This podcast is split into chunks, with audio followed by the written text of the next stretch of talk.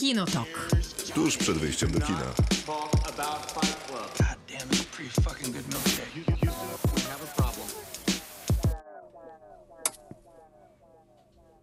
Krzysztof Majewski. Miłosława Bożek.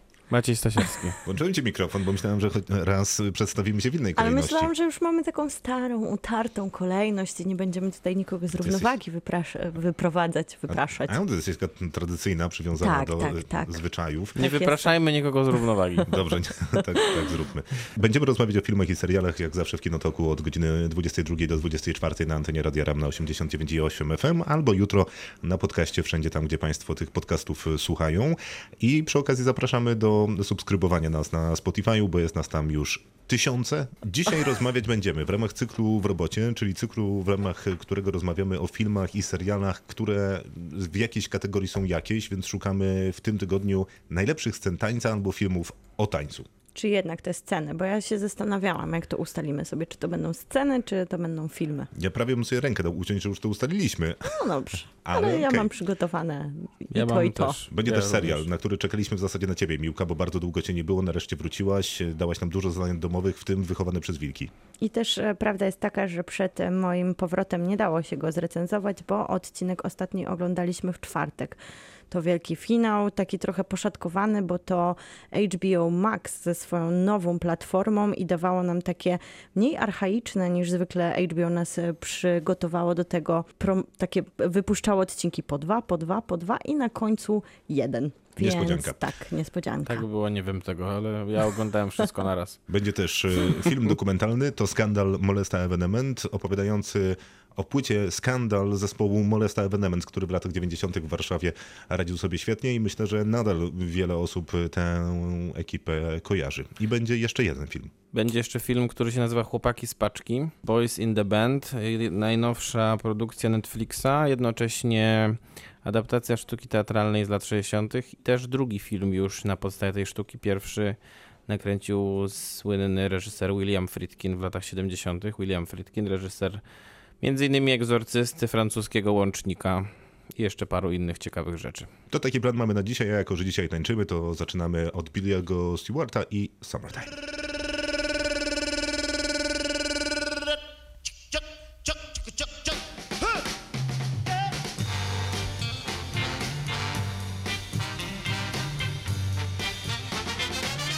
A dzisiaj cykl w robocie poświęcony filmom o tańcu, z tańcem, scenom tanecznym i tym momentom, które wytańczyły na ekranach kin swoje momenty. Miłka, czy taniec jest dla ciebie czymś ważnym w filmie, życiu? kinie, serialu? W życiu i w życiu. Ja nawet przecież nie wiem, czy pamiętacie, jak był ten okres Pamiętamy, takiego mocnego lockdownu. Tak, y, to. y, t- taniec towarzyski, Białystok, Mistrzostwa Polski. Nie, to wtedy oglądałam filmy o tańcu, ponieważ e, nie mogłam partycypować w żadnych tanecznych imprezach.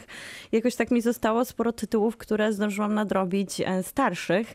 I dlatego wybrałam Flashdance 83. Ale my jeszcze nie wybieramy. O nie, no jak? To tylko odpowiadamy na pytanie, czy ważny jest dla nas taniec w życiu. Kocham tańczyć. Nie w życiu. y, Dla, odpowiadam, dla mnie jest ważny też, mimo że nie umiem tańczyć zupełnie, ale lubię to robić. Krzysztof, lubisz tańczyć? No ja, po... ja nie cierpię tańczyć. Naprawdę? Naprawdę. W sensie nawet w domu, jak gra moja ulubiona piosenka, taka bardzo Nie klubowa, gibasz się? Wtedy robisz kolację. To robię kole... Tak, tak robię. Ale tak lekko nawet? Takie... Nie no, tak lekko to owszem, że Przepływa drga, przez ciebie drgam. muzyka. Tak, tak. No, To wesele, wesela czy takie rzeczy to muszą być dla ciebie koszmarem jednak. A skąd? No przecież na weselach z reguły się je i to dużo. No też prawda, ale z drugiej strony są przerwy na taniec. No, Wtedy dla trzeba tych- jeść nie, po no, prostu, są tak? przerwy na, dla tych, którzy chcą tańczyć, A dla tych, a którzy mnie nie, nie ma chcą, to mogą jeść po prostu To- dalej. Tak jest. Wtedy zimna płyta. I nie tylko płyta, y, chciałoby się powiedzieć. Zadaliśmy na naszym kinotokowym Facebooku pytanie y, wam, jakie filmy wam się kojarzą, kiedy mówimy taniec i sceny z tańcem. I było jakieś tysiąc odpowiedzi chyba. Tak, mniej więcej. Więc Tyle, ile subskrybentów. E, Tak. Tysiące w sensie. Tysiące. Więc zakładam, że z jakiegoś powodu taniec w filmach jest ważny i ja bym postawił taką odważną tezę, że taniec ma tę umiejętność bycia nośnikiem emocji jakby w zasadzie dowolnej, nie? Bo tak często się mówi o tańcu i w filmie też często służy bardzo różnym celom filmowym. Zwłaszcza takie chyba sceny, bo jeżeli mówimy o filmach tanecznych, to już jest trochę inna To one są kategoria. zwykle fatalne. Tak, a sceny taneczne w filmach, które o tańcu samym w sobie nie mówią, są bardzo, no, zapadają w pamięć, bo mamy chyba bardzo dużo kultowych scen, które Mhm. nawet już nie oglądamy teledysków do danego kawałka, gdzie ten taniec został odtańczony, tylko fragmenty filmowe z e, tym kawałkiem. Wszystko prawda. Y, Jako, że pisząc na naszym Facebooku powiedziałem, że przeczytam wszystkie y, odpowiedzi, bo pewnie będzie ich to niewie, niewiele. Nie przeczytam tylko parę, y, bo nie mamy tyle czasu. Krzysztof mówi na przykład deszczowa piosenka Taniec w deszczu. No i to jest niepodważalne. No to nie ma co komentować Tak, jeżeli tak, jest to niepodważalne. Cieszę się. Tak jakbyś nigdy nie podważał moich niepodważalnych tez. Barbara pisze Prawda. Zapach kobiety. To niewidomy Al Pacino tańczy tango. No wspaniała scena rzeczywiście. To prawda, fantastyczna. Joanna przypomina taniec z Salta Konwickiego, tam tańczy Cybulski z całą ekipą. Później zresztą Skalpel użył tego do swojego klipu y, do piosenki w Music That Was, that was So Easy? Jakoś tak. E, I jest to faktycznie fantastyczna scena. Od razu przewinę do Piotrka, który pisze taniec w hydrozagadce. Pamiętam, że urwał mi głowę. Asia, Street Dance 2, finałowy taniec. Nie znam się, ale to jakiś showdance w stylu kubańskim. Dorota przypomina Bogusława Lindę tańczącego z Agnieszką Włodarczyk z Sary. A? No ja też tak nie bardzo. Ja nawet dobrze pamiętam tą scenę, więc coś w niej było. Tak? Nie, bo ja Tak, sobie ją odświeżyłem, tak. to ona tak nie najlepiej wygląda. Ale ja może dlatego, że ja ją dobrze pamiętam, e, bo jej nie odświeżałam, więc tak wiesz, to jest takie miłe sentyment. wspomnienie, tak, sentymentalne. Nie, nie zaglądałam do tej sceny teraz- bardzo dawno Okej, temu. to teraz ją zniszczę. Bogusław Linda ma tam białą koszulę, ma Mhm. kabury na pistolety z jednej i z drugiej strony. Ja ma, nie wiem, dlaczego myślałam, ma że on ma nagą klatkę piersiową. no i już, To chyba nie ta scena. scenę. Mm. Może tak o Bogusławie Lindzie po prostu No myślisz. może. E, Marcin przypomina też otwierającą scenę z Climaxu. Tam dużo tańczą. Ale to jest dobra ta scena No tam pierwsza. dużo tańczą rzeczywiście i jest ta scena z tą muzyką niesamowitą. Jest też Dorota, która mówi o imprezie u Jeppa z Wielkiego Piękna. No Chciałbyś tam się spytać, której imprezie. jest y, co najmniej dwie. W jednej jest Fare l'Amore, czyli to jest ta otwierająca, otwierająca impreza. Zagramy. I bardzo proszę. Już Znaczy, nie, teraz? nie, nie, nie. A, dobrze. Sorrentino lubi wykorzystywać Sorrentino taniec, lubi, bo tak. mamy mm, przecież młodego i nowego papieża Mhm. i te sekwencje otwierające są bardzo roztańczone, zwłaszcza w nowym papieżu. No i kończące. Tak, i kończące. No i w jego ostatnim filmie Oni też jest taka dłuższa scena, kiedy przed, przy basenie wszyscy oddają się i razy. narkotyzacji i tańcu. E, Ewa, super jest Hugh Grant w ta, e, super jest Hugh Grant tańczony w gorzkich godach. Tańczy jak większość z nas, nieporadnie, ale nadrabia miną. W gorzkich godach Romana Polańskiego? O kurczę, to, to już naprawdę takie bardzo, bardzo insiderskie i głębokie wejście w ten temat. Mhm. Taniec z The Blues Brothers do śpiewającego Reya, to Dominika przypomina. E, Ja nigdy nie lubiłem The Blues Brothers. Ja również nie. Naprawdę? Mhm. O nie, no nie żartuj. No to jest jakieś takie Szukałem cię. super przereklamowane, nic ciekawego. Mm. Ale teraz... e, Nigdy nie rozumiałem tej magii, niestety. Bo, bo Dominika, zaznaczę, że to jest Dominika Gnatek, reżyserka, która właśnie przygotowuje swój nowy film i nie będzie taneczny, ale policzyła chyba, poleciło chyba z 10 tych filmów. Pozdrawiamy Dominika. Pozdrawiamy serdecznie. I przypomina między innymi finał Footloose, który też sobie obejrzałem i tam tańczy Ethan Hawke i tam jest faktycznie To bardzo... nie jest Ethan To Hawke. nie ten Hawk, tylko Kevin Bacon. Kevin- Przepraszam, Bacon. e, o, oczy... To jest ta sama szuflada, Maciek, a propos zeszłotygodniowego A, a, no tak, tak, tak, racja. To, to jest najbardziej... Młodziutki Młodziutki Kevin Bacon. To jest najbardziej żenująca scena, I Sarah Jessica Parker młodziutka. jaką miałem okazję oglądać przez ostatnie 5 lat oglądania filmów. Jest po prostu niewiarygodne, co się dzieje w tym finale. Ale on tam ładnie tańczy poza filmem. Ale sam Footloose to jest bardzo fajny musical, tylko że e, chyba lepiej go obejrzeć jest ten na. koniec. Lepiej go obejrzeć chyba na deskach teatru. Ethan Hawke. Nie bardzo, ukrywam. Bardzo, bardzo mnie to bawi w kontekście zeszłotygodniowego e, No programu. a to za wcześnie by było, bo i ten czy- Hawk to debiutował w Stowarzyszeniu Umarłych Poetów. I teraz się zastanawiam, czy to by była zagadka, czy Ethan Hawke kiedykolwiek zatańczył w filmie. W bo nie pierwszym, wydaje w pierwszym się. reformowanym po To części bym tam, tam latał, tam wszystko robił. To był. unosił, lewitował. Nie, to był ten.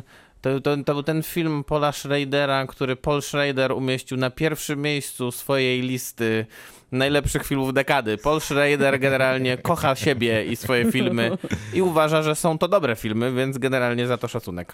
E, Pojawiły się też Billy Elliot, Rocky Horror Show, Dirty Dancing, Czarny Łabędź, Kill Bill.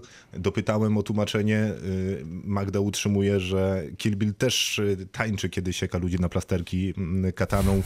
E, Wszystkie Bollywoody... Ona tańczy. Wsz- Tak, wszystkie Bollywoody, tutaj jest propozycja choćby czasem słońce, czasem deszcz, ale pojawia się też La La Land i wiele, wiele, wiele, wiele innych filmów i przez to mam duży problem z wybraniem swojego, bo co najmniej parę typów wyleciało, kiedy czytałem komentarze, za A które... czyli jak są komentarze, to już nie można wybrać, tak? No nie, no bądź oryginalny. A, okej. No, No, dobrze, no to, to będę, to teraz mam problem. To no. jest cykl w robocie. Za tydzień kolejne pytanie na naszym Facebooku odnośnie jakiegoś filmu, jakiejś sceny, jakiegoś typu.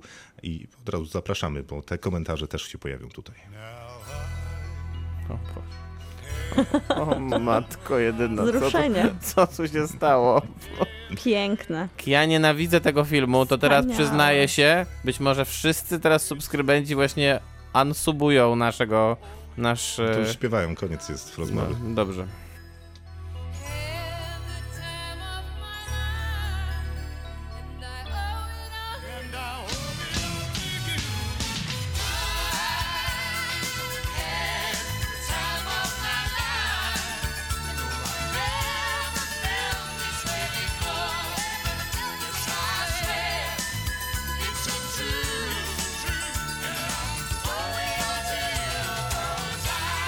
Teraz czas na wasze filmy taneczne. Maciej, chcesz zacząć? Nie. Miłka, chcesz zacząć? Tak, tak. No to proszę. Ja chcę zacząć, ale tak szybko powiem o scence, bo mam cały film przygotowany, ale przypomniałam sobie dzisiaj wspaniałą scenę muzyczną Hit to be Square z American Psycho, gdzie tak naprawdę ta scena właśnie stała się teledyskiem, gdzie no wspaniale jest odtańczony morderczy taniec w takim przygotowaniu do odcinania siekierą różnych części ciała. Bardzo, bardzo cudowna scena i tak się zastanawiam, czy Maciek... Porozmawiamy jeszcze w takim wypadku sobie po programie. że zostawię chyba Maćkowi scenę. Mam nadzieję, że o niej wspomni. Jak nie wspomni, to ja przypomnę, bo z filmu, który myślę, że najbliżej twojego serca. A ja wybrałam Flashdance, który tak naprawdę trochę się odnosi do Dirty Dancing i do Footloose, bo to jest pierwszy z tych filmów, które koncentrowały się wokół muzyki, piosenek, ale nie do końca były mu- musicalami, bo nie było śpiewane, a było tańczone. I to jest w ogóle hit kasowy lat 80. On się opierał na faktycznym życiu robotniczki, która tańczyła, Maureen Marder. I ona dostała za ten film, za prawa do swojej historii tylko 2300 dolarów, bo mm, wytwórnia zakładała, że to będzie klapa finansowa, że na pewno nikt nie będzie chciał oglądać historii spawaczki, która marzy, by pewnego dnia zostać profesjonalną tancerką, tańczą, tańcząc po klubach nocnych. Tak samo było z Dirty Dancing, więc te historie taneczne mają jakąś taką trudną drogę do ekranów. To prawda i właśnie Dirty Dancing, tak jak Footloose już był po Flash Dance'ie, to trochę też wynikało z tego, że MTV wtedy było bardzo popularną stacją i ono promowało teledysk jako takie wydarzenie popkulturowe, wręcz filmowe. I ten film zarobił w 1983 roku 150 milionów dolarów, był na trzecim miejscu najchętniej oglądanych filmów w całym 1983 roku, zdobył mnóstwo nagród. Co ciekawe, y, tam została zatrudniona Jennifer Bliss, której to była taka pierwsza, jedna z pierwszych ról, ona była zupełnie nieznana, wspaniale zagrała bohaterkę Alex Owen, Owens, którą zatańczyła, ale właśnie nie zatańczyła, jak się okazuje, bo to Maureen Janach tańczyła w... i tak naprawdę to jest bardzo smutna historia, nigdy nie została no nie pokazała się w napisach, nie została nigdy uznana przez wytwórnię jako ta osoba, która tańczy. No i przez to też jej e, Paramount Pictures trochę zabił jej karierę, ale jest to film, który no tak ogląda się, on jest bardzo naiwny, dlatego też zakładano, że on się raczej nie spodoba, ale ma niesamowite sekwencje taneczne, jeżeli chodzi o choreografię, później też on wszedł tak bardzo płynnie w popkulturę, dziewczyny się nosiły, tak jak ta bohaterka, która no też przełamuje taki klasyk opowieści, jest jednak spawaczką, tańczy w takich bardzo prowokacyjnych choreografiach i to jest Adrian Line, który nakręcił no takie filmy, które w- Na przykład warto, Fatalne Zauroczenie. Warto sobie przypomnieć, jak fatalne zauroczenie, niemoralna propozycja, 9,5 tygodnia i tutaj Czyli jeszcze takie, właśnie... takie thrillery erotyczne. Erotyczne, tak. Mhm. Więc jest tu dużo też takiego seksapilu, z tego niesamowitego, wspaniałego ciała, który tańczy. Więc jest to cudowny film, który można oglądać praktycznie na większości platform. Jest dostępny dostępne no, przez HBO, przez wszystkie te mm, chili i tak dalej, więc możemy zobaczyć i przypomnieć sobie Flashdance, który no może historią nie urzeka jak e, całym tym ruchem, który się odbywa na ekranie. Czyli w zasadzie lepiej było posłuchać piłki niż obejrzeć film. Nie, to jest Tak, bardzo dokładnie. uroczy film i A jednak. wspaniałe są te sekwencje, naprawdę. Dobrze, Maciej, nie chciałeś zaczynać. deszczu, na Czyli krześle. będzie, będę kończył, tak? Tak. Doskonale. To ja w takim wypadku, jeżeli chodzi o scenę tańca, e, to nie widziałem dawno niczego takiego. Jest to dosyć nietypowy taniec, ale jednak jest to Mitsumar. Midsommar, widzieliście ten film? Widzieliśmy. Jest tam scena tańca, ta, która polega na tym, że wszystkie panie tańczą wokół tego symbolu i Aż- kolejne ta, tańca odpadają. Mhm. Dokładnie tak jest. No i tańczy tam oczywiście główna bohaterka filmu, Florence Pugh, a zdjęcia robi Paweł Pogorzelski i to jak Paweł Pogorzelski prowadzi kamerę akurat w tej scenie, która jest taka bardzo nasłoneczniona, wszystkie kobiety są w białych sukienkach, wszystkie mają wianki, kamera kręci to koło razem z i nurkuje w najróżniejsze sposoby, a generalnie Florence Pugh jest już w takim nastroju powiedzmy mocno narkotycznym, to wrażenie tej sceny jest naprawdę mocno uczestniczące. A z reguły w tym tańcu chodzi o to, że no kiedy gra y, taka wzruszająca muzyka, którą graliśmy przed momentem z filmu Dirty Dancing, no to człowiek y, albo rusza stopą, albo rusza ręką, żeby otrzeć łzę. To akurat y, w tym wypadku zaczyna ruszać się, ale niespokojnie na fotelu, bo ten taniec zaczyna oddziaływywać, oddziaływywać w taki sposób niepokojąco dziwaczny, którego by się po człowiek po tańcu nie spodziewał, ale mogę sobie wyobrazić, że przy odpowiednich y, środkach może tak właśnie być. I to jest dosyć ciekawe, że udało się Ariemu Asterowi, Pawłowi Pogorzelskiemu i całej ekipie filmu stworzyć taką narkotyczną wizję kręcącego się tańca. No super rzecz. Właśnie on taki Nie nawet dla mnie filmu. jest e, mniej niż jak taniec, a bardziej jak wysiłek fizyczny. Tak Bo jest. tam jest mało takiego Taki z- z- unoszenia się muzyką, Tak, tak, przepływania. tak. To jest jednak stara się, myślę, że bohaterki starają się przetrwać tą. Do, ale, no dokładnie o to tą chodzi. No przecież To trochę jak chodzi o w to, klimaksie. żeby Troszkę została tak, ostatnia. że jest to raczej brutalne doświadczenie niż e, mu muzyka przepływająca przez ciało bohaterów. Maciej, co tam u ciebie jest tańczone? Ja mam trochę, mogę dwie, ze dwie? Więcej? pewnie. Znaczy, ja wiem, co na pewno masz. B- Ja też Będzie mam Nie, to... nie mam żadnej z Call Me By Your Name. No jak? Jak to nie? No ja zostawiłam dla To ja ciebie. nie wziąłem. To jest piękna scena. No dobrze, to um, żeby wybrzmiało, jest wspaniała scena w Call Me By Your Name, w której Armie Hammer udaje, że umie tańczyć i nie umie tego robić, ale robi to wspaniale. Na pewno z dużym zapałem. I, to jest I robi to dwukrotnie zresztą w tym Ale ja filmie. mówię o tej ostatniej scenie. Nie, nie ostatniej. Gdzie jest ta scena, w której oni tańczą do Italo Disco i on ma trampki? takiej. To, to jest, To jest taki na imprezie, a bardziej. potem jest, to jest mniej więcej środek filmu, a potem jeszcze do tego samego tańczy e, w Bergamo, w bramie Tak, tak, katedry. To ja mówię o tej pierwszej scenie i nie mogłem zrozumieć, jak to jest, że kiedy oglądamy tę scenę, to mówimy, wow, włoskie disco, ale to jest kiczowate i wspaniałe, a kiedy słyszymy polskie, to się obrażamy. O, o, jest tak. Ja, po, po, ja wybrałem scenę, nie wybrałem filmu żadnego.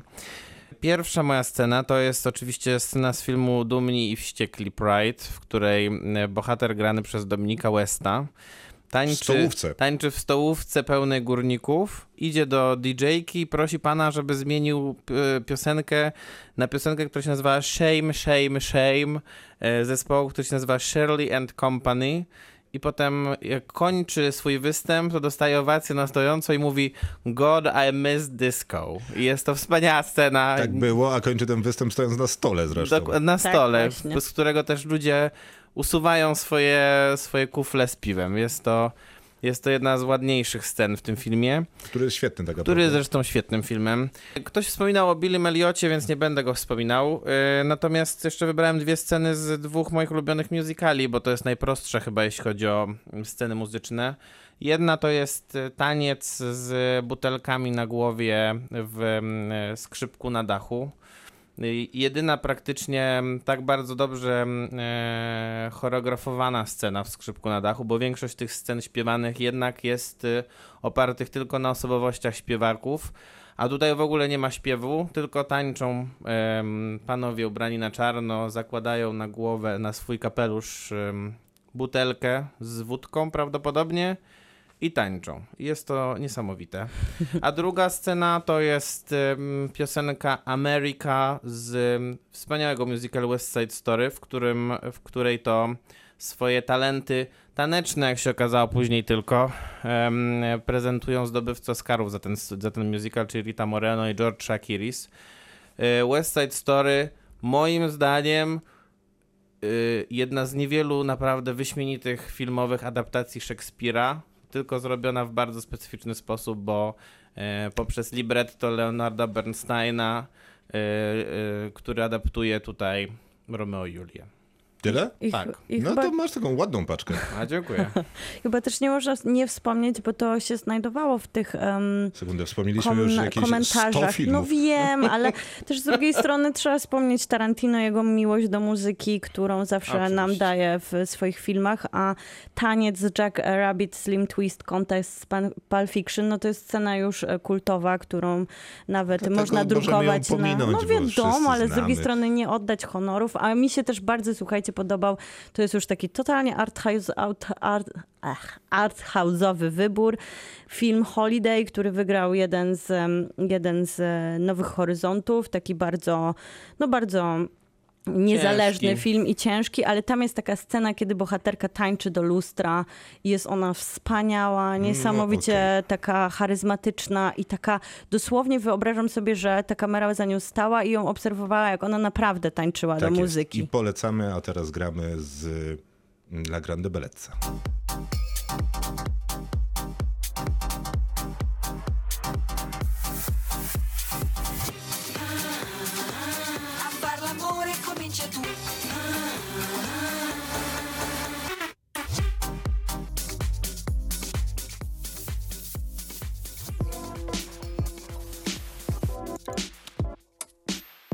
Kinotok.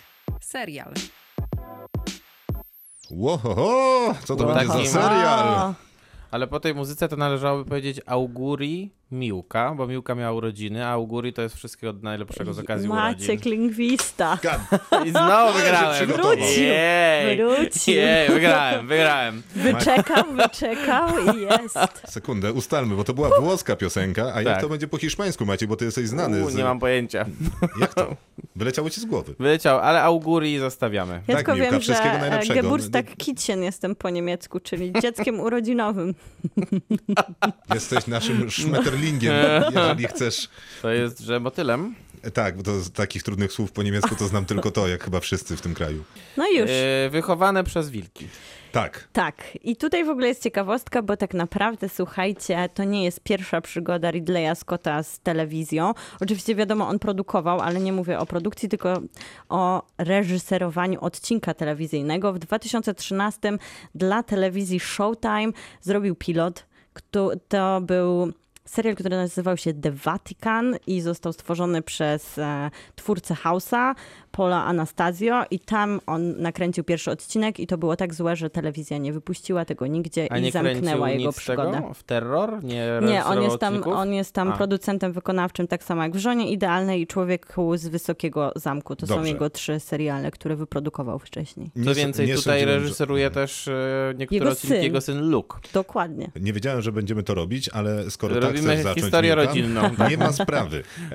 E, Trochę mnie nie dziwi, że Ridley Scott wyreżyserował odcinek czegoś, e, co zostało uznane przez telewizję za klapę, ponieważ Ridley Scott z całym moim olbrzymim szacunkiem do tego twórcy jest artystą podwójnym. W sensie bywa absolutnym mistrzem i bywa absolutnym partaczem. I to jest wręcz niepoważne, jak daleko jest na przykład Idą te film, różnice. film Exodus od y, Aliena, którego, y, obcego, którego Ridley Scott robił. To jest po prostu niewiarygodne, jak jednocześnie można mieć na swoim koncie Gladiatora i znowu Exodus.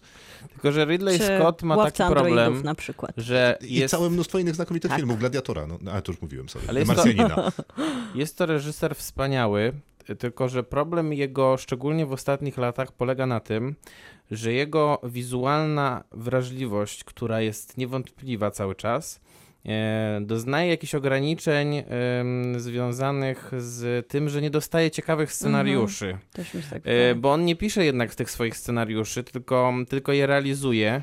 I niestety ostatnimi czasy Ridley Scott wybiera złe scenariusze, e, w, które on i tak próbuje wkładać jakiś taki element e, swój. E, Bo tak jak mówisz, Exodus nie jest żadnym udanym filmem, tak jak, nie wiem, Wszystkie Pieniądze Świata na przykład też są, nie są filmem udanym. Prometeusz. Ale z kolei, jak mu się uda Niebieskie. film, na przykład, tak jak udał mu się Marsjanin ostatnimi czasy, to naprawdę mu się uda. To Bo prawda, to jest kawał wciąż dobrego wielki filmu. reżyser. Naprawdę wielki reżyser. I on właśnie przy I on wywiadach... tutaj reżyseruje dwa pierwsze odcinki. Tak. I on przy, są wielką telewizją. Przy wywiadach e, w ramach opowiadania o Wychowane przez Wilki mówi, bo bardzo często był o to pytany, o to, że właśnie widać tutaj takiego Ridley- Ridleya Scotta w tej estetyzacji tej opowieści kto, i tego świata, do którego nas zaprasza ten serial, że to jest taki świat jakby z uniwersum Ridleya Scotta. Dokładnie I on tak. mówi z taką czułością o sobie, że on ma, on ma taką intuicję wizualną i on zawsze w filmach i podąża za tą intuicją wizualną, niezależnie od tego, kto mu co podszeptuje i tą konsekwencję faktycznie widać niezależnie od tego właśnie, tak jak nie mogę się Mają zgodzić nie z Maćkiem, jak nie trafi na dobry scenariusz, to i tak widać tam ten, to jego oko, to jego, Nie, tą no jego absolutnie, wrażliwość. bo na, na, naprawdę bardzo można się obrażać na Prometeusza, ale nie można odmówić chociażby tej pierwszej sekwencji Tak, tych e, un- 12-minutowej, e, która jest majstersztykiem aranżowania sceny i takiego krótkiego opowiadania, w zasadzie mógłbym na tym skończyć Prometeusza, który generalnie cały czas wygląda wybitnie. Bo Ridley Scott nie jest narratorem, tylko jest właśnie takim artystą wizualnym. To tak samo jak e, Jest- e, jeden z moich tak. ulubionych reżyserów, Tim Burton, też nigdy nie był narratorem, tylko, tylko był raczej człowiekiem, który opowiadał obrazem. Ridley Scott wspaniale opowiada obrazem, tylko że nie zawsze mu się trafia do tego fabuła. Słuchajcie, Chociaż on chyba się konkretnie, tutaj. wy, tylko, tylko dodam, że on chyba zawsze wybiera konkretne fabuły, w sensie nie zawsze udane, ale poszukuje takiego swojego origin, gdzie mamy właśnie tą relację, która powraca człowieczeństwa i maszyny, czy Boga i braku wiary, która Nie, no, no chyba nie przebrzmiewa... zawsze, bo no może nie i zawsze, ale kłamstw, często. No, robił i- American adwokata, Gangster. To prawda. mhm. Więc tych, To tych prawda. dowodów na to, że nie jest sporo, ale jest też mnóstwo dowodów na to, że tak. I w tym uniwersum, o którym mówiłaś, y, Aliena jako takiego, to na pewno się wszystko tutaj spełnia i jest. zazębia nam z serialem Wychowany przez Wilki, o którym dzisiaj rozmawiamy. Serial jest dostępny na HBO Go. Miłka powie nam dwa słowa o serialu, a za moment wracamy z jego recenzją. Tak, to serial stworzony przez Arona Guzikowskiego, którego znamy jako scenarzystę na przykład Denisa Wilnewa. I opowiada, i jest to taki jeden z flagowców teraz e, HBO Max, czyli tej nowej platformy, która w Polsce nie jest dostępna, ale na szczęście większość jej najważniejszych produktów trafia na nasze HBO. I opowiada o świecie, który się skończył, o naszym ludzkim świecie, o naszej ziemi, która się skończyła. Skończyła się, to się dowiadujemy w trakcie serialu, przez wojnę, wielką wojnę, która pochłonęła naszą ziemię, wojnę pomiędzy ateistami a ludźmi religii. I w mm, tym czasie, to jest gdzieś takie okolice 1000 2145 roku, wyrusza, wyrusza kilka ark, ale wyrusza arka, która składa się z dwóch androidów, matki i ojca, w tak e, nazwanych bardzo konkretnie, bo oni wyruszają na planetę, która już, e, która już była wybrana przez ludzi Kepler-22, by wychowywać przyszłą ludzkość, czyli szóstkę dzieci. I to są androidzi, którzy będą ich wychowywać w takiej narracji właśnie ateistycznej, bez Boga. I tam natrafiają, okazuje się, że na Keplerze nie są sami jednak i te arki z ludźmi podążają również, żeby znaleźć schronienie i budować swój świat według swojej narracji. Okej, i do rozmowy o serialu Wychowane przez Wilki wracamy za moment. Teraz y, muzyka, która otwiera y, serial, y, każdy odcinek, dokładnie usłyszymy tutaj islandzkiego piosenkarza Bena Frosta.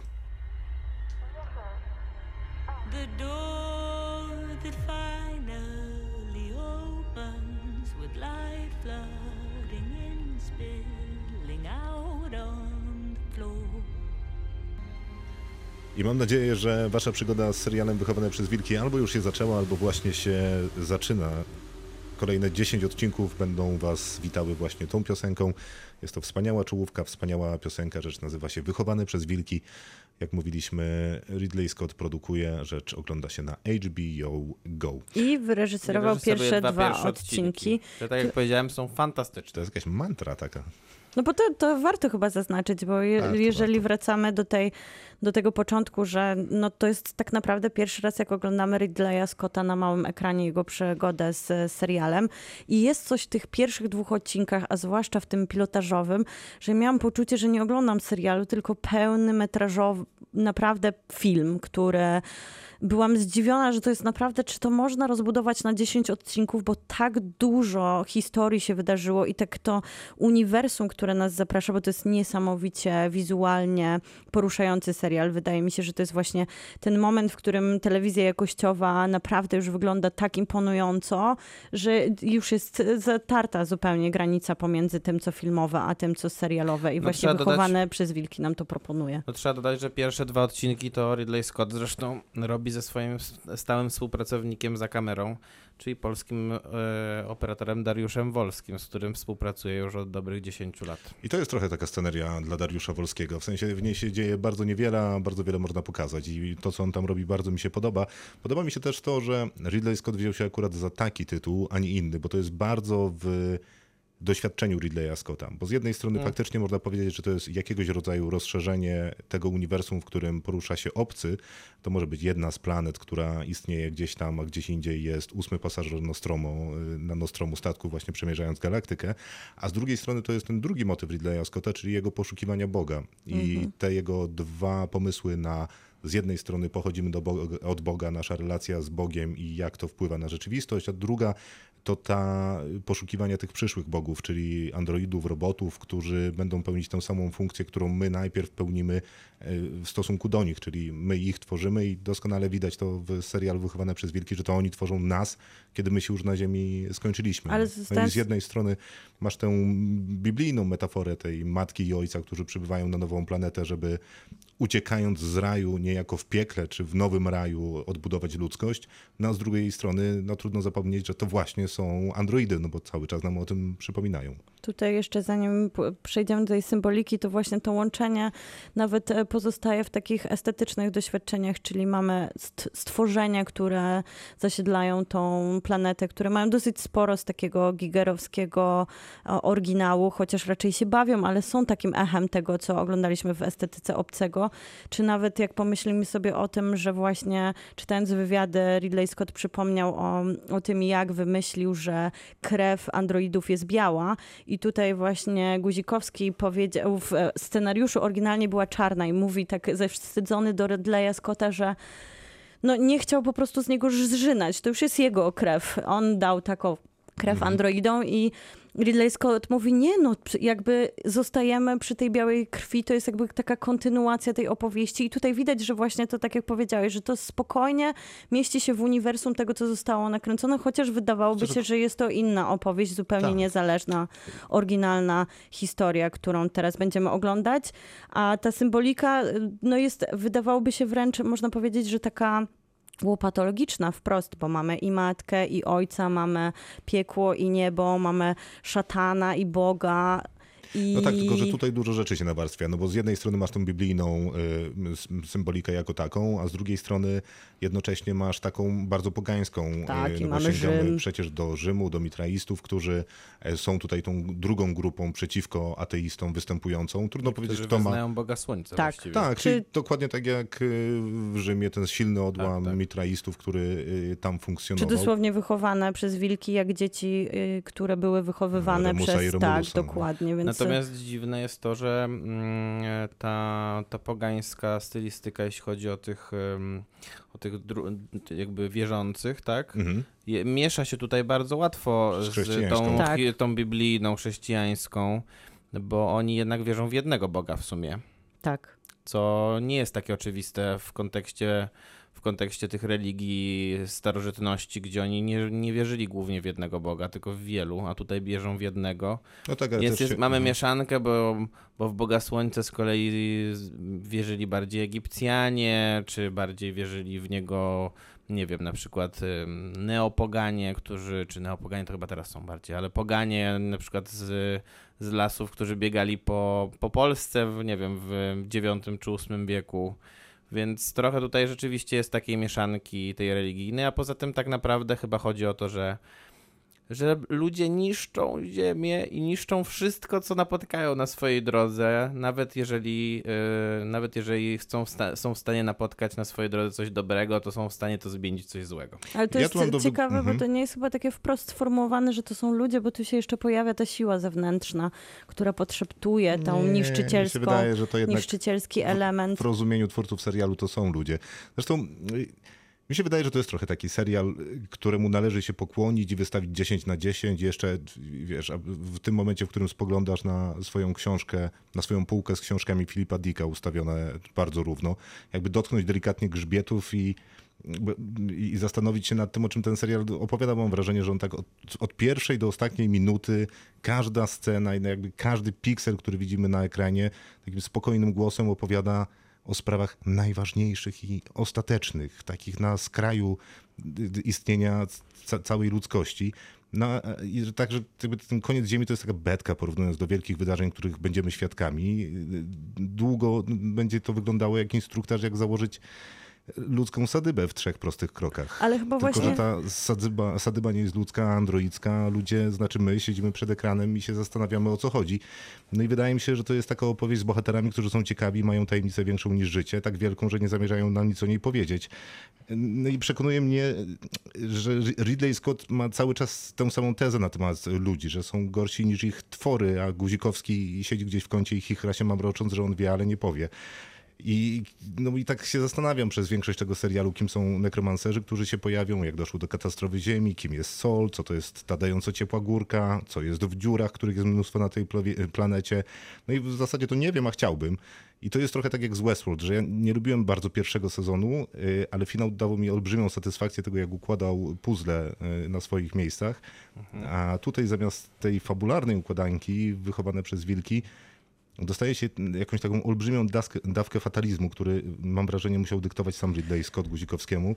I jeśli faktycznie tak było, to wydaje mi się, że ten już stary, bo 82-letni mistrz jest chyba w szczytowej formie, albo przynajmniej w takiej, w której dawno już Ale nie to też nie jest tak, że to jest e, taka wielka opowieść o najważniejszych, e, najważniejszych pytaniach i filozoficznych zagadkach, bo tu strasznie dużo jest też takich relacyjnych elementów, które budują tak naprawdę całą tą opowieść w tle, które jest właśnie o powstawaniu nowej ziemi, o walce religii i ateizmu, bo mamy relacje mężczyzny i kobiety z perspektywy ustalonej przez program, która bardzo ewoluuje w trakcie, w trakcie całego sezonu, czyli matka i ojciec, tak naprawdę przewartościowanie obrońcy i opoki takiej rodzinnej, jaką jest matka. To jest bardzo e, współczesny komentarz. Tak, no ale mamy też, mamy też rodzicielską kwestię tego, że mamy rodziców, którzy, którzy nie są rodzicami biologicznymi, ale mamy W później sensie, na że to przykład... jest bardzo współczesny komentarz. Tak, mamy na przykład zgwałconą dziewczynę, która odtrąca swoje dziecko i matkę, która strasznie to dziecko chce mieć, a w momencie, kiedy je rodzi, tak naprawdę też pojawia się pewien konflikt.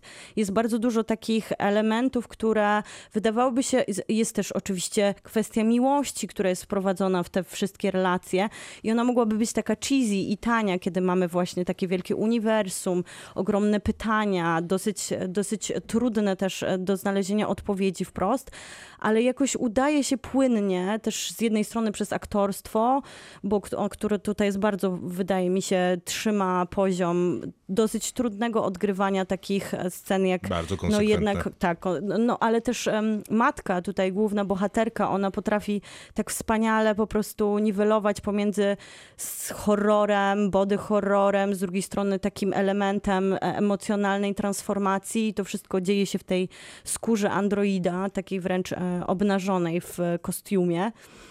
I wydaje mi się, że właśnie to jest e, też siłą tego serialu, że z jednej strony on porusza takie hard e, sci-fi tematy, wręcz e, literackie, które przenosimy e, spokojnie z każdej książki, którą czytaliśmy o krańcu Ziemi, o relacji maszyna a człowiek, do takiej bardzo relacyjnej, ludzkiej opowieści, która no nie traci, chociaż jest dosyć prosto podana, bo ta układanka się składa. Może nie odpowiedzi na te pytania, które jednak sugerują, że drugi sezon jest, no i już czeka na nas, jest w produkcji, a tak naprawdę to spodziewamy się trzech i to jest ten tak. finał. Ja się generalnie Pięciu. zgadzam z tym, co mówisz. No to jest relacyjna y, po części ludzka opowieść. Bardzo mi się podobał ten komentarz y, właśnie współczesny, w którym e, ktoś zadaje pytanie ojcu, y, matce, czy chciałaby, żeby jej partner był tak silny jak ona. I ona mm, długo się zastanawia i odpowiada, że Że nie, że to nie jest istotne. A to jest trochę takie pytanie, jak y, zadajesz kobiecie pytanie, czy chciałaby, żeby jej partner zarabiał tyle samo.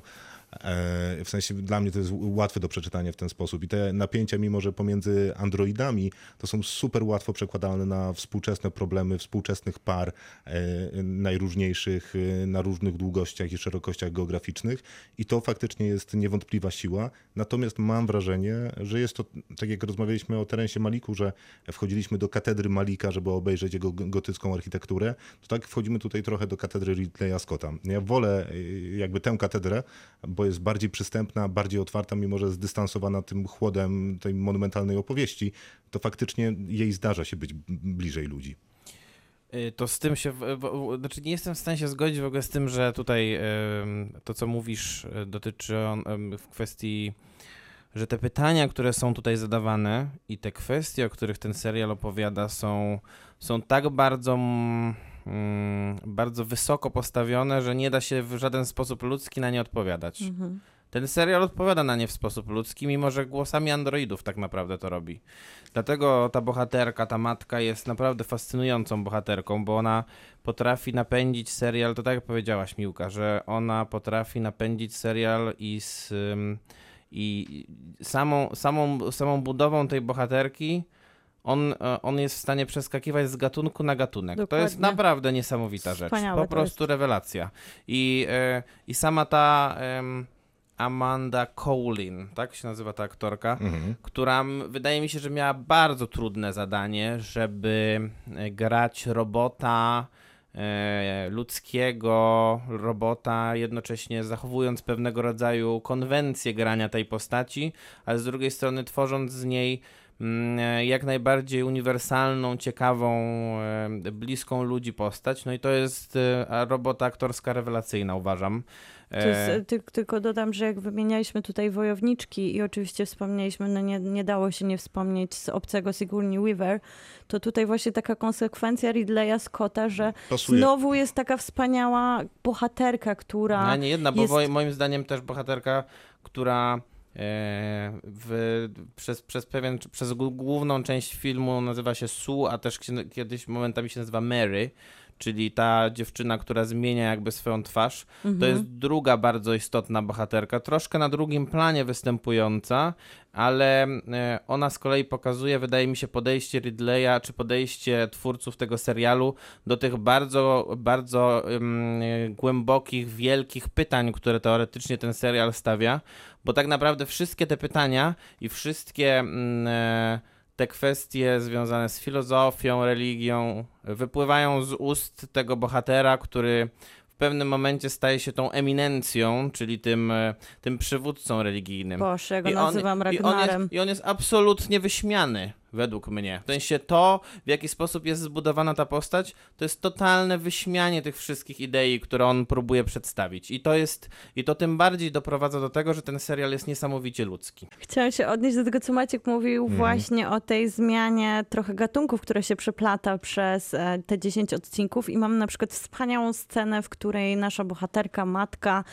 stara się doprowadzić do porządku, jest ranna i rozmawia z androidem, którego znajduje we wraku To jest naj, statku. Jedna z lepszych scen tego filmu. Wspaniała, taka bardzo, bardzo filmowa, wręcz tak odrealnie nie pasująca do tego, że oglądamy dziesięcioodcinkową telewizyjną produkcję. Ja w ogóle strasznie długo właśnie się- czekałem na ten moment w tym serialu, właśnie na tego rodzaju rozmowę, bo on jest y, poważny z zaciśniętymi sz- szczękami, a pomijając y, żarty ojca, które raczej są tragikomiczne niż komiczne, Ale to to całkiem była... dobrze się Są wpisują doskonałe. Tak, w oczywiście. scenariusz. Jak najbardziej, ale to była pierwsza faktycznie komediowa rozmowa, która Mhm. się pojawia w tym serialu, w sensie ta matki z robotem. I potem już nie było. Nie, nie, później Ale to, też, mm, Potem Em, wszystko już tak na poważnie i jeszcze dramat, dramat, dramat. Ale to jest, to, to, jest poważny serial, więc to, że on e, sprawnie przełamuje czasami takimi elementami około komediowymi, czy... Ale no, fajnie, jeszcze jeszcze zamknął to, w super. statku, jakby ten To żart nie miał dostępu było. nigdzie poza tą małą salę, w której jest zamknięta Dlatego e, wydaje mi matka. się, że strasznie dużo jest tam takich sprawnych perełek, czy w ogóle zmiana tożsamości dwóch e, głównych bohaterów, która jest taka bardzo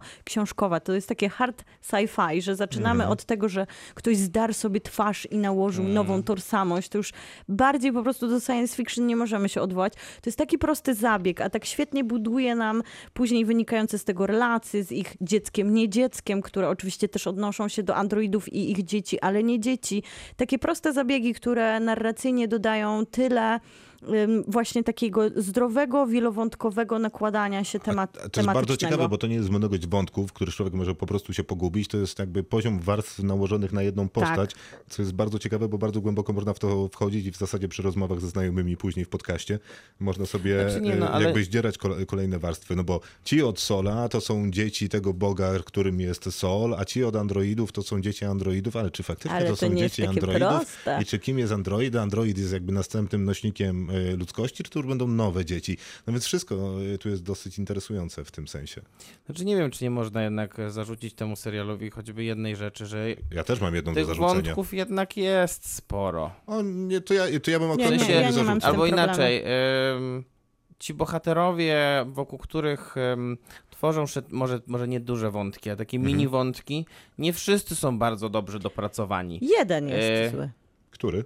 Ragnar. Czyli główny wątek. No tak, on jest, on, znaczy tylko, tylko on, on, ma, on ma swój cel, jakby. Fabularny. Jego, jego cel fabularny jest taki, żeby, żeby ten fanatyzm, który, który jest, którym, którego on jest uosobieniem, został wyśmiany i to jest bardzo skuteczne. Natomiast uważam, że on z drugiej on strony ma- fanatyzm, który na przykład reprezentuje sobą Matka. bohater Paul, O, przepraszam. czyli ten mały, który jest tym synem tych, Mhm. tych, tych dwójki, która zmieniła tożsamość, jest dla mnie sk- jest dla mnie przynajmniej jeszcze nie do końca zrozumiały, bo tego jego fanatyzmu jest du- dużo, szczególnie w końcówce tego pierwszego sezonu, mm, ale on nie wynika z niczego. E, I to jest jakby dla mnie z jednej strony zarzut, że nie ma tutaj jakiegoś takiego ciągu przy, przyczynowo-skutkowego. Z drugiej strony rozumiem, że być może jako jedna z prawdopodobnie głównych postaci on będzie rozwijany w drugim sezonie. Mhm. Ale on jest jeszcze ciekawy w relacji z Kampionem, a O, to jest bardzo No, ciekawe. dokładnie. jeszcze odnosząc się do tego, że Jest bardzo utalentowany ten chłopiec. aktorsko. Tak. Tak, to prawda. E, A odnosząc się jeszcze do tego wątku właśnie z Ragnarem, e, z Lovebrookiem e, i tego, że on jest nośnikiem tych Fanatyzmu. Fanatyzmu, no to wydaje mi się, że ten jakikolwiek fanatyzm jest kompromitowany w tym serialu i to jest super interesujące, bo nie tylko ten najprostszy, wynikający jakby bezpośrednio z Z jakiejś religii. e, religijnej wiary, ale także z niewiary jako takiej Mm. e, i poszukiwania generalnie odpowiedzi na jakieś py na pytania, które stawia świat i szukasz odpowiedzi gdzieś tam. No niektórzy w wierze, niektórzy gdzieś indziej. Okazuje się, że ani w jednym, ani w drugim miejscu te, te odpowiedzi nie są łatwe, natomiast łatwe są dosyć brutalne wybory, które są podejmowane przez tych bohaterów. Ale to też I jest ciekawe, tak jako serial, który przy okazji buduje nową cywilizację na planecie, na planecie a jakby mimochodem opowiadając y, tego rodzaju historie, mi naprawdę imponowało. I ta jedna rzecz, którą bym zarzucił akurat wychowaną Czekaj, to ja przez tylko wilki, odpowiem na ten bardzo. fanatyzm, że to jest też ciekawe, bo jest pokazane z perspektywy z jednej strony androida, który ma kod, który narzuca mu Mhm. pewne wybory i on tak naprawdę nie ma tam wolności w tym, czy wybiera wiarę lub jej brak. On po prostu został i to oczywiście to transformuje w trakcie serialu, ale z tym, z tym wychodzimy jako punkt wyjścia, że on, oni, ma, ojciec i matka, mają zakodowane pewne wybory i chcą je narzucić swoim dzieciom, ale te dzieci są z drugiej strony właśnie ludzkie i No tak, tylko że on w pewnym sensie poszukiwanie- zostaje w tym, w tym punkcie, w którym był, bo jakby ruch ojca w, w, nie jest zbyt radykalny w stronę. Znaczy, zmiana ojca nie jest zbyt radykalna, natomiast zmiana tej matki. W kontekście całego serialu to się nie zgodzę. Mm, Tam wszyscy się No radykalnie bo tak zmieniają. w dziewiątym odcinku to, to Tak. jest w stosunku od tego, co miał zaprogramowane na początku, jeżeli tak faktycznie No, było, rozumiem, masz no to to rację. jest jednak kawał drogi. Może nie taki spektakularny, ale Więc bardzo jest ciekawa ta rozgrywka pomiędzy naszym własnym wyborem, a tym, co nazywamy wiarą, zwłaszcza jeżeli gramy perspektywą czegoś, co jest zakodowane.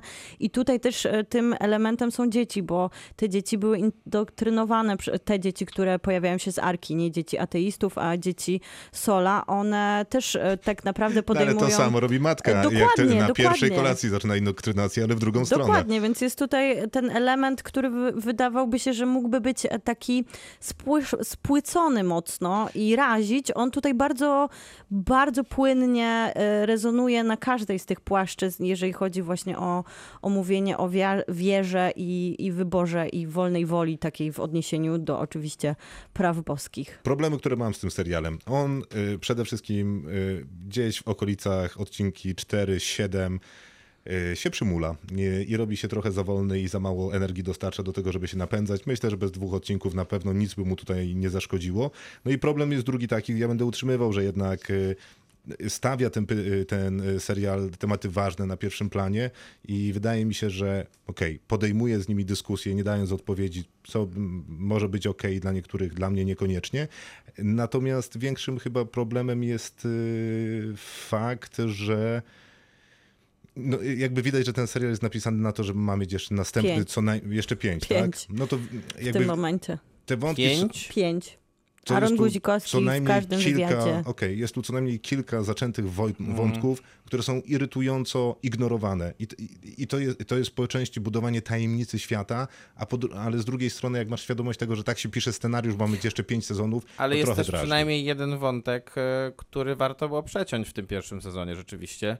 I tutaj wracam do tego, co Miłka mówiła, czyli ten wątek z tym Markusem, Wel Ragnarem, jakby go nie nazwać. Mm. Trzeba było po prostu przeciąć ten wątek. Można było wyposażyć, szczególnie, że, szczególnie, że widać, że ten, e, tak jak powiedziałem, te, te, te kwestie fanatyzmu i przerysowania i przeginania w Stały drugą stronę Tak. staną, po pierwsze, sta, po, po, a po drugie zostaną przeniesione na inne postaci. Dokładnie. Więc nie wiadomo po co ciągnąć ten wątek. Szczególnie, Ja że tutaj- nie wyposaża się, jak, nie Aktor, był, wyposaża się go w aktor był żadnego... drogi. Ale, Ale właśnie, fatalny. to jest, na, to jest ten aktor jest największy fatalny. minus tego serialu, gdzie mamy świetny, świeży casting. w ogóle Piękny, oglądamy naprawdę. cudowne role I dziecięce. Wspaniałe przecież androidy, nieznani aktorzy. I Ragnar, który, ja myślę, że on jest nieźle napisany. On po prostu nie potrafi grać. To jest ciągle ta sama krzycząca mimika twarzy, którą oglądaliśmy przez 8-9 sezonów Wikingów, która może To na samo początku w była... Tak, dokładnie, która na początku może była elektryzująca w wypadku takiego serialu jak Wikingowie, ale w pewnym momencie okazało się, że to jest jedyna aktorska maska, jaką on potrafi po prostu na siebie No dokładnie, odziać. I w to jest kontraście mamy, mamy tą Amandę Collin, która w każdej Słuchajcie, scenie potrafi, Potrafi, tak, wy- inną, inną wygrać twarz emocje, zwo- dokładnie. zrobić. No to Mimo, jest że taką bardzo powściągniętą, chyba Dokładnie. pamiętając o tym, że jest androidką. Ja jestem gotowy w- wystawiać ocenę, wy też? Tak, to dobrze. Więc będąc świadomy wad tego y, serialu, ale jakby z drugiej strony daje mi olbrzymią obietnicę wspaniałej przygody, która jednocześnie chciałbym, żeby skończyła się już i żeby Na ten serial nie przez pięć sezonów. nie był kontynuowany. Więc ja zmienię tę ocenę, ale w tym momencie to 10 na 10. Podpisuję się 10 na 10, to jest wspaniałe i tego nie powiedzieliśmy, to jest egzotyczny, egocentryczny i dziwaczny również serial, co nam udowadnia mocno w finale, nie będziemy przecież spoilerować, ale ten finał jest naprawdę dziwny, jak na to, co w sumie proponuje nam na początku. Ten, ten wspaniały produkt to jest dla mnie 10 na 10. Ja wystawiam 8 na 10, ale myślę, że Że może to, we, może to ewoluować w górę nawet, bo jak jeszcze będę o tym myślał. Kinotok. Film. No to serial za nami, przed nami jeszcze dwa filmy i mała niespodzianka, którą przygotował Maciej, bo wybrałeś się na film Który się nazywa Jak zostać gwiazdą. i powiedz mi, dlaczego to sobie zrobiłeś. Bo ja lubię. Okej, Czasem więc w nagrodę masz e, trzy minuty, żeby się nad zająć się polskim tym filmem. kinem, e, którym występuje zawsze Tomasz Karolak. E, Jest to film, który w sposób, wydaje mi się, oczywisty e, czerpie z e, różnego rodzaju talent showów, w których się tańczy, śpiewa. Tutaj akurat się śpiewa, a oni potem, a potem tak zwane jury naciska guziki i jest albo na tak, albo na nie. I to jury, czy jury, tworzą w tym filmie Urszula Dudziak, Maciej Zakościelny i Julia Kamińska. Julia Kamińska zresztą jest współautorką scenariusza do tego zacnego filmu. A film opowiada o dziewczynie, która to, proszę ja was, kończy osiemnastkę i się okazuje, że pan przewodniczący Jury... To jej ojciec. To jej ojciec, dokładnie. A jak? I ym, co więcej, cały program na jeden, na jeden z castingów przenosi się do Rosalina, który się okazuje być miejscem, w którym jej ojciec spoznał jej matkę aktualną, która zresztą pozostała nauczycielką w Rosalinie. Tam jest reunion, którego nikt nie chce i tak trochę nie dochodzi do niego. I potem ona zaczyna występować w tym programie, bo najpierw, najpierw wylewa mu szklankę wody na, na twarz podczas I nagrania live. żale bo, żale, bo rozumiem, że zostawił ją jak była młoda. Y, Zostawił ją jeszcze przed porodem. A, o.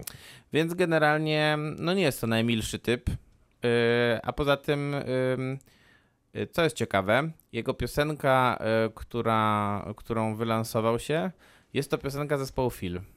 o. I to jest jakiś chyba taki motyw, którego ja nie za bardzo zrozumiałem niestety, bo jest to piosenka zespołu Phil, którą udaje się w tym serialu przemycić jako piosenkę, którą nakręci, którą, którą napisał Maciej Zakościelny, a potem dzięki niej stał się sławnym piosenkarzem, a teraz jest podstarzałym już e, hashtag rockmanem, który zostaje szefem jury w programie Talent Show. No dobrze. No, Wspaniałe to- kino, okej. naprawdę rewelacja, po prostu uniesienia. Myślę, że festiwal w Gdyni czeka. E, wszyscy aktorzy dostaną nagrody aktorskie. Czy to jest dobry film? Jest to bardzo zły film. Ale jest w nim coś dobrego? E, myślę, że e, no, ma- no nie przesadzałbym, że jest coś dobrego. Raczej powiedziałbym, że e, jest to taki typowy polski film, e, który, który powinien mieć taki plakat z białym tłem. I to są takie typowe polskie komedie tego typu, w których niestety nie prowadzi się za bardzo aktorów, nie ma za bardzo, nie mają oni za bardzo nic do grania, wszyscy i tak dostają bardzo wysokie czeki, bo przecież po to, to, po to, po to biorą udział. Czy ktokolwiek jeszcze Czeki, płaci piękne. czekiem? No w Ameryce wszyscy. Nie, no okej. Jak e, zostałem gwiazdą? Zostałem? Jak zostać, gwiazdą? Nie zostali wszyscy gwiazdami tam. Kinotok. Film. No to czas na kolejny film. E, Maciej już nie będzie się zajmował polskim kinem, przynajmniej dzisiaj. e, a- Nie, nie planuję. Chociaż nie, będziemy się zajmować polskim kinem, bo będziemy Molestę. tak, Molestę będziemy, recenzować za będziemy. moment. Mhm. Ale teraz jeszcze The Boys Band będziemy recenzować. który- Boys in the Band. Boys in the Band, oczywiście. Boys Band to Boys nieźle. Band to na przykład y, Backstreet Boys. NSYNC. Okej, dobra, możecie się poznęcać trochę, mój błąd. Chłopa... Just Five. Chłopcy z paczki, tak się nazywa film. Tak, jest to, tak jak powiedzieliśmy wcześniej, adaptacja sztuki z 68 Ósmego. roku. tak. Off-Broadway. Tak, i wcześniej była adaptowana też przez Williama Friedkina. Później, Później, 70. później, w sensie wcześniej w stosunku do filmu, który wyszedł e, w piątek. Tak, Jeszcze znacznie w wcześniej. 2018. Mark Crowley to był człowiek, który napisał tę sztukę. Bardzo dużo kontrowersji wywołała, ponieważ historia opowiada o dziewiątce. Dziewiąt, dziewięciu, dziewięć osób jest na... Chyba mniej. Nie, dziewięć. W sensie w sztuce było chyba dziewięć. Więc załóżmy, że o dziewiątce y, albo ósemce y, gejów i jednym y, heteroseksualnym koledze. No nie wiadomo. Nie, ośmiu To- gejów i jeden heteroseksualny. Tak. I to- Czyli dziewiątka, miałeś rację. I jeden z gejów ma urodziny i ten heteroseksualny kolega jakby niezaproszony przychodzi na te urodziny, bo ma jakiś życiowy dramat. I zarówno sztuka, jakby, jak i Friedkin, jak i teraz... Jeszcze była druga sztuka w 2018 i to właśnie cała obsada z tej sztuki broadwayowskiej zagrała teraz w Netflixowym filmie. Tak, i było dużo nagród Tony i był tam Mhm. też twórca oryginalnej y, sztuki, jak przyznaje w Na takim... 50. urodziny Tak, jakby w krótkim dokumencie po tym filmie opowiada, że a zapomniał, że oni tam grali, bo on był taki zainteresowany tym, że dostają te nagrody Tony i że to, to jest takie super i że jest tak wspaniale i oni wszyscy stali za nim i, i zapomniał im podziękować. Zapomniałem podziękować. Tak. Z radości zapewne. No. Co ważne, też wszyscy aktorzy, którzy zagrali właśnie w tej adaptacji w 2018 roku i w Netflixowym filmie, bo to ten sam skład, wszyscy są otwarcie w życiu prywatnym homoseksualistami. Tak. Open, openly proudly. Openly jak, proudly. Jak mówią. E, No i to jest obsada, która no raczej jest tych znanych, bo gra Matt e, Bomer, czyli człowiek, którego znamy z, White, e, z Białych Kołnierzyków.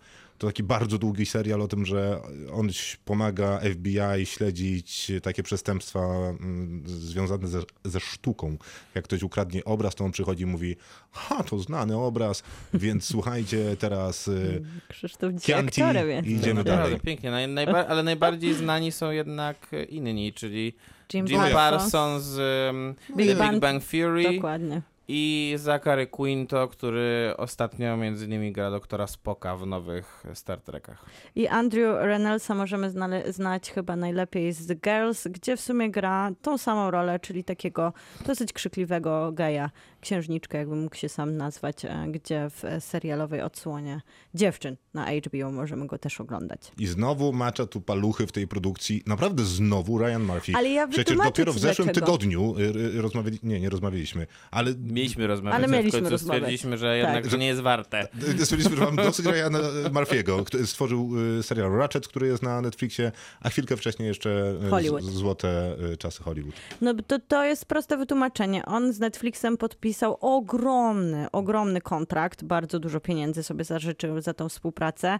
No i teraz ten kontrakt po prostu Jest wprowadzony jest w życie, tak? I on Okej. robi praktycznie większość tych produkcji. Gdzie da się go wcisnąć, tam się go wciska, bo skoro te miliony on już e, dostał, to trzeba z niego skorzystać. Tak, tylko że ja mam wrażenie, że on naprawdę jest kiepskim reżyserem. No Ale on tu nie reżyseruje ale jest tego. kiepskim, tylko tu nie reżyseruje. On nie reżyseruje tak, tak, tego. tak, on jest tak. taki trochę ym, producentem wykonawczym, a tak naprawdę to chyba zajmuje się tą sferą, jak to u niego zwykle bywa, estetyczną, czyli trochę pomaga w tej oprawie tego, jak e, serial wygląda i trochę tak, taki konsultantem Ale był. pełna zgoda, że jest kiepskim reżyserem, bo to widać we wszystkich jego serialach, za które on nie powinien dostawać tych nagród Emmy, e, które nie, no, dostaje. nie no, brońmy pierwszych e, trzech sezonów American Horror Story. Nie, Tak, nie, tak, tylko, tak, że, tak, oczywiście. tylko że on nie powinien reżyserować tych seriali, bo tak jak mówię, on e, te, te odcinki, które rzeczywiście są dobre w tych serialach, czy na przykład, nie wiem, w mm, e, O.J. Simpsonie, serial taki, który też on tworzył, tak, z, z Kubą Goodingiem Juniorem między innymi. Czekaj, no, chodzi o to, że niech produkuje, będzie showrunnerem, Niech produkuje, ale dokładnie. reżysera. Troszkę jak Może z tym filmem nie- właśnie. Mhm. Niech pisze. Tutaj ym, ten film pokazuje, że... Ja y, tylko bardzo szybko powiem, że historia faktycznie jest taka, że mamy y, ośmiu gejów, którzy mają, jeden z nich ma urodziny, oni szykują taką imprezę, e, Prywatkę. prywatkę Celebrację. dokładnie. Ważne jest to, że faktycznie będzie jeden gospodarz i ważne jest to, że jest ten heteroseksualny kolega, który ma jakiś tam problem, dzwoni trzy razy, płacze w słuchawkę, w końcu, Na końcu przy- przychodzi, przychodzi mimo że mówi, że nie niezapowiedziany. przyjdzie. Dokładnie tak. I panowie stwierdzają, że będą grali w grę. Gra będzie... No, która jeszcze wygląda wcześniej... jak dokładnie jak w dobrze się kłamie w miłym towarzystwie. Tylko, że w latach 70, 60., bo będą dzwonić do osób, które z jakichś powodów były, które kochali całe życie, ale nigdy im o tym nie powiedzieli. I mają im wyznać miłość i za jak się dodzwonią, to dostają jeden punkt, jak się okaże, że dodzwonią do tej osoby właśnie, to dostają kolejne punkty. Jeżeli się jak w końcu przedstawią. Tak, tak, przedstawią. jak w końcu powiedzą, że rzeczywiście kochali, to dostają tam 5 Dziesięć. punktów Albo i w sumie kochają. można 10 punktów było zdobyć. Maks, maksymalnie 10 punktów. Tak było. No i panowie dzwonią. dzwonią. Tam jeszcze e, jakby tą całą sytuację prowokują tak naprawdę fala niechęci ze strony e, heteryka, która no, tak naprawdę obraca się w taką, taką sytuację przemocową, która wywołuje taką lawinę skrywanych emocji, które no, przez zwłaszcza głównego bohatera są tłamszone aż do momentu, kiedy ta hipokryzja wychodzi na wierzch.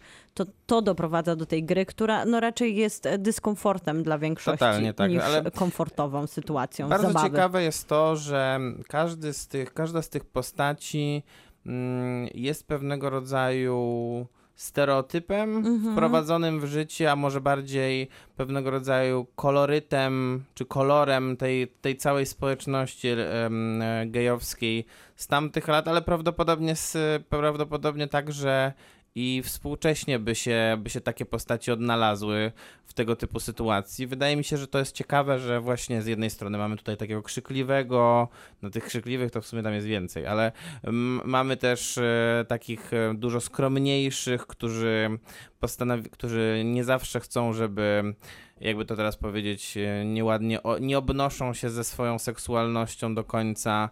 Mm, e, Mamy też ludzi, którzy, mm, którzy są ukryci w szafie, czyli nie, nie przyznali się jeszcze do końca do swojej seksualności, albo do swojej seksualności przyznać się nie chcą. a, e, w sensie nie wiedzą, że nie chcą się przyznać przed Tak, sobą również. Dokładnie, dokładnie. Mhm. Więc to jest e, ciekawe, że e, na bazie takich, e, takich prostych manewrów e, narracyjnych udało się stworzyć pewnego rodzaju e, kompleksowy obraz całej tej społeczności. Tak, a nie jest tak, że mimo, że masz te 8 czy 9 stereotypów, to wydaje mi się, że to, co w tym filmie się udało, to jakby nie zostawiać ich w, z etykietą jesteś Stereotypu, stereotypem. Tak, dokładnie nie. Tak. I Mhm. co prawda, być może niektóre z tych postaci to i owszem, ale pewnie niektóre są znacznie bardziej pogłębione, znaczy może nie znacznie bardziej, ale są na tyle pogłębione, że są jakby pełnowymiarowymi postaciami na ekranie. No myślę, że Ale- Harold jest, e, czyli ten, który jest tym- Solenizantem. Soleniz- Solenizantem Tak. jest chodzącym stereotypem, ale z kolei taki był cel prawdopodobnie samej sztuki, też tego filmu. Bo I też, i też, i też, i też, i też, i też jakby dynamiki. kreacji, którą tutaj przedstawia Zachary Quinto, bo on e, od pierwszej do ostatniej, od, pier, od jakby wejścia samego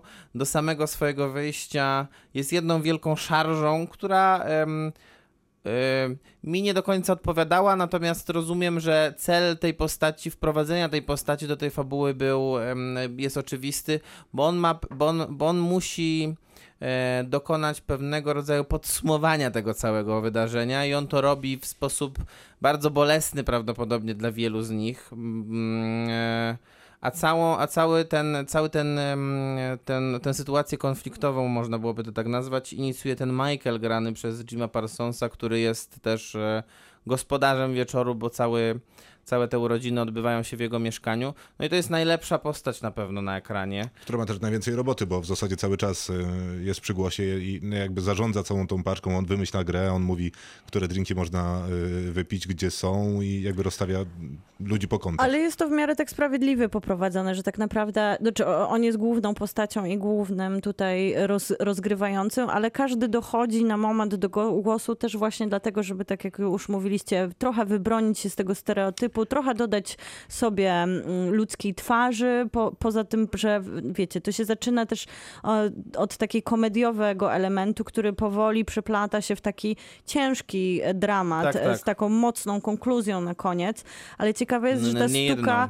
sztuka została napisana w latach 60. i zagrana w 68 i tak naprawdę ona pokazuje, że tak niewiele się zestarzało elementów, które są tak bolesne dla tych Mhm. bohaterów. Nie, które- no, chy- chyba, ch- chyba jest jakaś duża różnica pomiędzy 68 Właśnie rokiem, nie wydaje kiedy mi się, był bo... y, y, penalizowany mm, spotykanie się w grup y, g- gejów. W, Ale tu, w- nie to jest nie ma- ale to powiedziane, w ogóle tu nie ma jest znaczenia. powiedziane. To tutaj zupełnie jakby... A to ja ci dodaję kontekst No, ale najważniejszym elementem jest to poczucie winy, niezgody, odrzucenia, które wydaje mi się tak samo tożsame z dzisiejszym No nie, 2020. No, okej, to może Czy być nawet elementy, które się pojawiają, jeżeli chodzi o elementy rasistowskie, dalej wybrzmiewają podobnie w 2020, jak wybrzmiewały prawdopodobnie w 68, patrząc na teraz konflikty w Stanach Zjednoczonych. Więc to jest zadziwiająco rezonująca sztuka na Nie, no, nie 2020 wiem, Myślę, może, że- może są myślę, tak samo że- bolesne, no ale jak, Myślę, jakby w w świecie sensie, zmieniło się w sporo. pewnym nie? sensie jest to też profetyczne trochę, bo na przykład e, portret tutaj, po, to, w tej sztuce jest portretowana taka relacja, którą można byłoby nazwać teraz otwartym związkiem. I to nie jest, myślę, coś oczywistego w latach 60. w Stanach Zjednoczonych, czy w ogóle nie jest to coś oczywistego, taki otwarty związek. I to przecież nie jest relacja em, ekskluzywnie zagwarantowana tylko dla związków między dwoma mężczyznami, bo myślę, że otwarte związki istnieją teraz e, e, we wszystkiego, W wszystkich, rodzajach, wszystkich konfiguracjach. No ale e, jakby, e, jakby samemu filmowi e, bardzo dużo dodaje to, że ten zestaw tych aktorów chyba dobrze został wybrany, bo oni co prawda, prawdopodobnie to wynika z tego, że bardzo dobrze się czuli w, w swoim towarzystwie już na Broadwayu, zresztą dostawali te nagrody, No ale Broadway to jest jednak zupełnie inna sytuacja, bo to jest kontakt z żywym widzem, tutaj, ma, tutaj jest tylko kontakt z kamerą. I tak udało się wykrzesać te emocje. No szczególnie ten Jim Parsons, który znany jest głównie z tego, że grał tego Sheldona Coopera w serialu, który ani trochę nie był zabawny i dostawał te nagrody nie wiadomo za co, a tutaj e, zagrał naprawdę taką dosyć mocną, dramatyczną rolę i wydaje mi się, że mm, e, wydaje mi się, że naprawdę tutaj pokazał swoją drugą twarz. On gra też w Hollywood, e, dokładnie tak, e, tutaj już wspominanym Ryana dzisiaj, Murphy'ego. Ryana Murphy'ego, gdzie też gra geja i tutaj producenta telewizyjnego, gdzie gra taką kuriozalną postać, e, mocno w krzywym zwierciadle i taką trochę odstręczającą.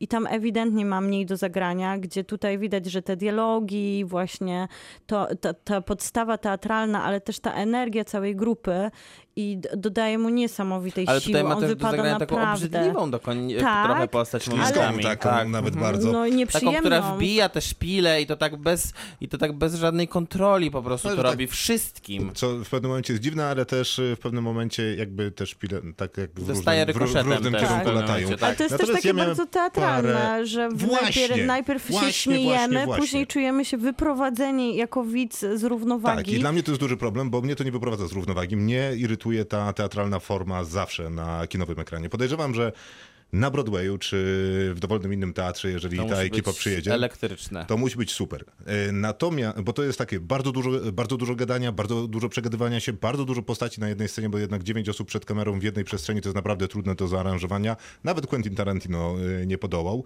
E, No i mnie to męczy. To trwa dwie godziny takiej szczekaczki cały czas, dużo głośnego gadania, e, dużo jakichś takich emocji, zwrotów akcji, ale tylko w słowie, bo jakby na ekranie nic się nie dzieje. Do tego Ryan Murphy, czy ktokolwiek to reżyserował ostatecznie, e, wybiera taką kamerę, która pływa między tymi aktorami, kręci kółka, to zwłaszcza widać na tarasie. Strasznie to było nieznośne. Pierwsza część zbiera się strasznie długo. E, W 20 minucie moja partnerka pytała, o czym jest ten film. Ja mówię, pff, nie, nie wiem. E, no, po kolejnych 20 minutach wiedziałem. Druga połowa, od kiedy zaczyna padać deszcz i zaczynają grać w tę grę, jest już naprawdę gęsta. Natomiast też mam pewien problem z tym, że mm, jakby jest trochę tak opowiedziana jak e, oto mamy to, to, to i tamto w zestawie, czyli każdy jeden po kolei będzie opowiadał swoją historię. No, to jest dosyć, dosyć leniwe y, scenopisarstwo. No, w sensie, ty będziesz jedynką, ty będziesz dwójką, ty będziesz trójką, dopiszemy do ciebie historię. Nie, to scenopisarstwo to nie jest leniwe, tylko scenopisarstwo jest takie, jak rzeczywiście była sztuka. Natomiast No właśnie, bardziej, dokładnie. bardziej leniwe to jest chyba e, narracyjnie, bo można było po No, prostu, po, można sorry, było jakąś tak. żonglerkę tutaj zrobić, jeżeli, jeżeli byłby rzeczywiście reżyser,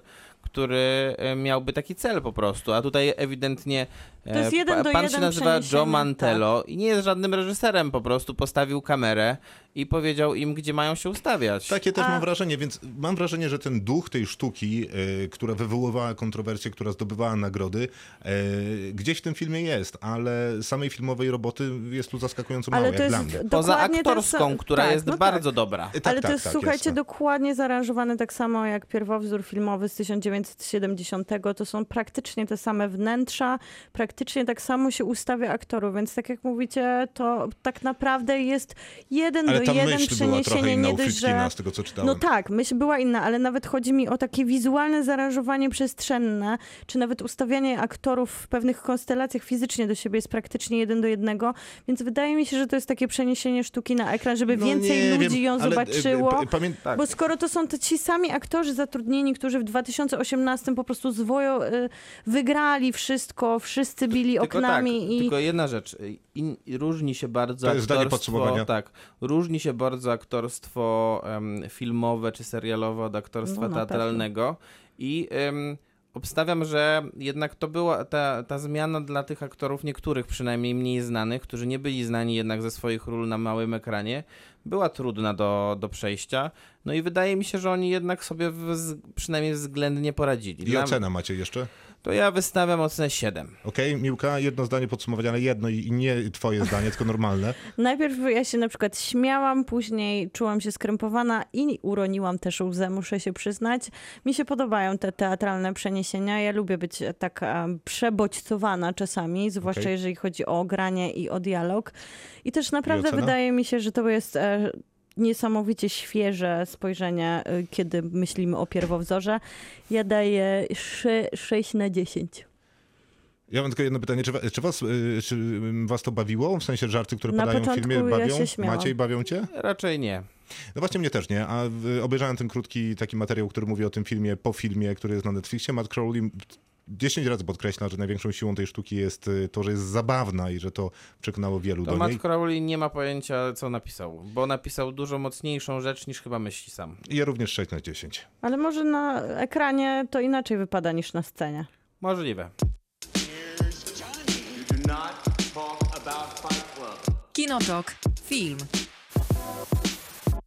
Czas na skandal molesta evenement, y, czyli... Nie, ten film się nazywa Skandal Evenement Molesty. No bo tak się nazywa zespół, no. e, Dokładnie. Ale są trzy Ale słowa i można je mylić. płytę Evenement jeszcze, poza skandal. Tak, ale film opowiada o płycie Skandal, czyli o pierwszej, którą wypuścili w 98 roku i zawojo- zawojowali rynek, ale też żałowali, bo podpisali umowę z tak zwanym Majorsem, czyli takim dużym wydawnictwem muzycznym. No i jak to zwykle, kiedy I długo żałowali, bo to mali z bloków podpisują z wielką korporacją, no to przede wszystkim na tym tracą. To jeszcze były takie czasy, że nie było żadnej nauki z zewnątrz, że można na tym stracić, bo to był jeden z pierwszych w ogóle kontraktów, jeżeli chodzi o w Polsce, jeżeli chodzi o płytę hip-hopową, Tak e, o rap. I to długo byli uwiązani tym kontraktem, bo to chyba 10 lat z tego, co Nie, pamiętam. 7 chyba albo No to- 6, to no ale kawał czasu. Wystarczająco, żeby nie zarobić, kiedy już wszystko się działo, więc w momencie, kiedy udało im się uwolnić spod tego kor- korporacyjnego molocha, to zaczęli kręcić lukratywne biznesy i wychodzić na prostą. Chociaż tak naprawdę gdzieś ten zespół w tym momencie, kiedy oglądamy najbardziej e, Włodiego i Wienio, to już nie jest zespół, to jest taka opowieść e, tych chłopaków, którzy to przeżyli i wspominają, Mhm. tak. Nawet troszeczkę osobno bardziej niż bliżej o swojej wspólnej Tak, tak. historii. To prawda, ale wszyscy nawijają też cały czas jeszcze, koncertują i pojawiają się na różnych Ale scenach. już nie razem. Ale nie, już nie razem. E, Bartosz Paduch reżyseruje. Zresztą to jest człowiek odpowiedzialny za jeden z moich ulubionych polskich dokumentów. Opowiada o Totarcie, e, takiej artystycznej, awangardowej grupie z lat 80. z Polski.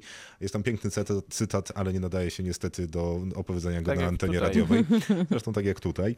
E, ale Totart serdecznie polecam na, najlepiej w takim układzie, żeby zobaczyć najpierw Miłość, o zespole Miłość, później Totart, o grupie Totart, a skończyć polskim gównem. I e, to jest tytuł filmu i będzie to naprawdę świetny tryptyk, taki nieoficjalny, który się z tego ułoży.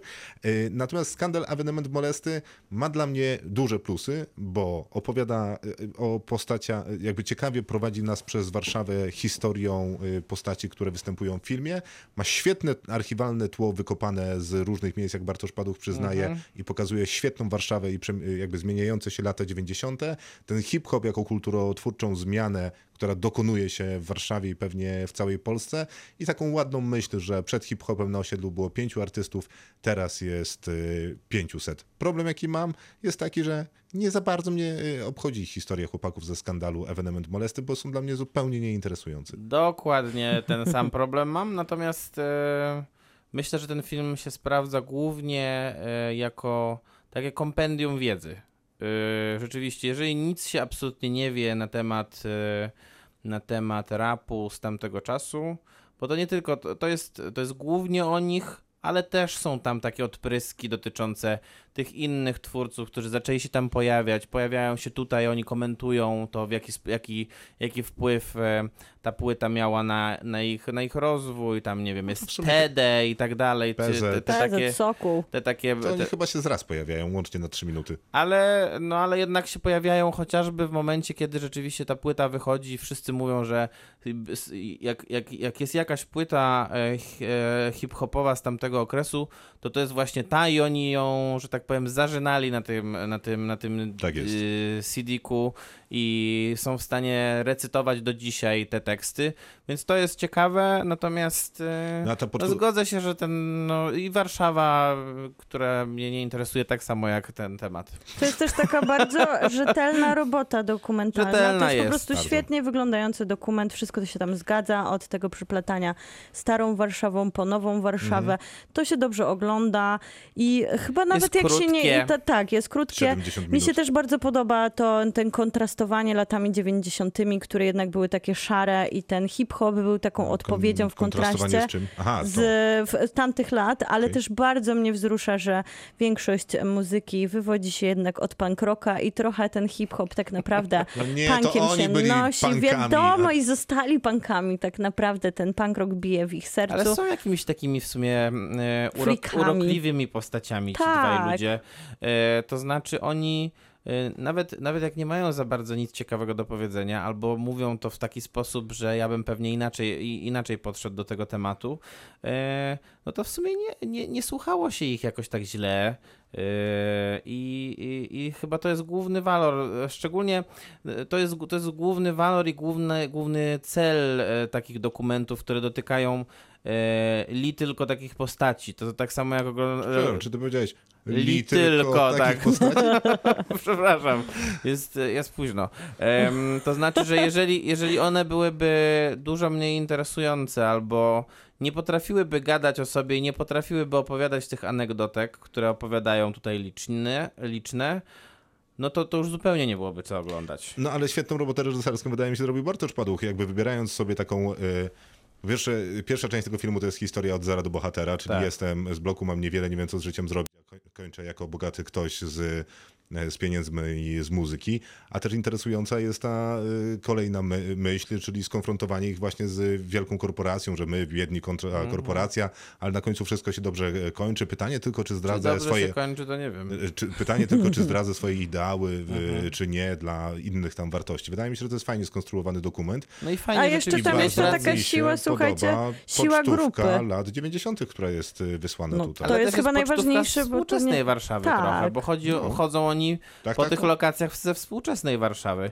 Powtórzę, nie interesuje mnie Warszawa ani trochę, ale generalnie jak ten, jak, e, jak kogoś interesuje Warszawa, to tym bardziej powinien obejrzeć. I I jeszcze tutaj jest ta siła grupy, ta taka męska, bo to jest jednak o męska opowieść, poza jedyną kobietą, która się tu pojawia na te 70 minut, czyli krytyczka, która opowiada bardziej tak. o samym konstruowaniu się rapu, o tym, czym rap jest jako muzyka i też historii, jaką niesie dla Polski, transformacji, to to jest taki bardzo bro movie, który pokazuje taką siłę grupy, opowiada też o takich przyjaźniach, które się konstruowały w latach 90.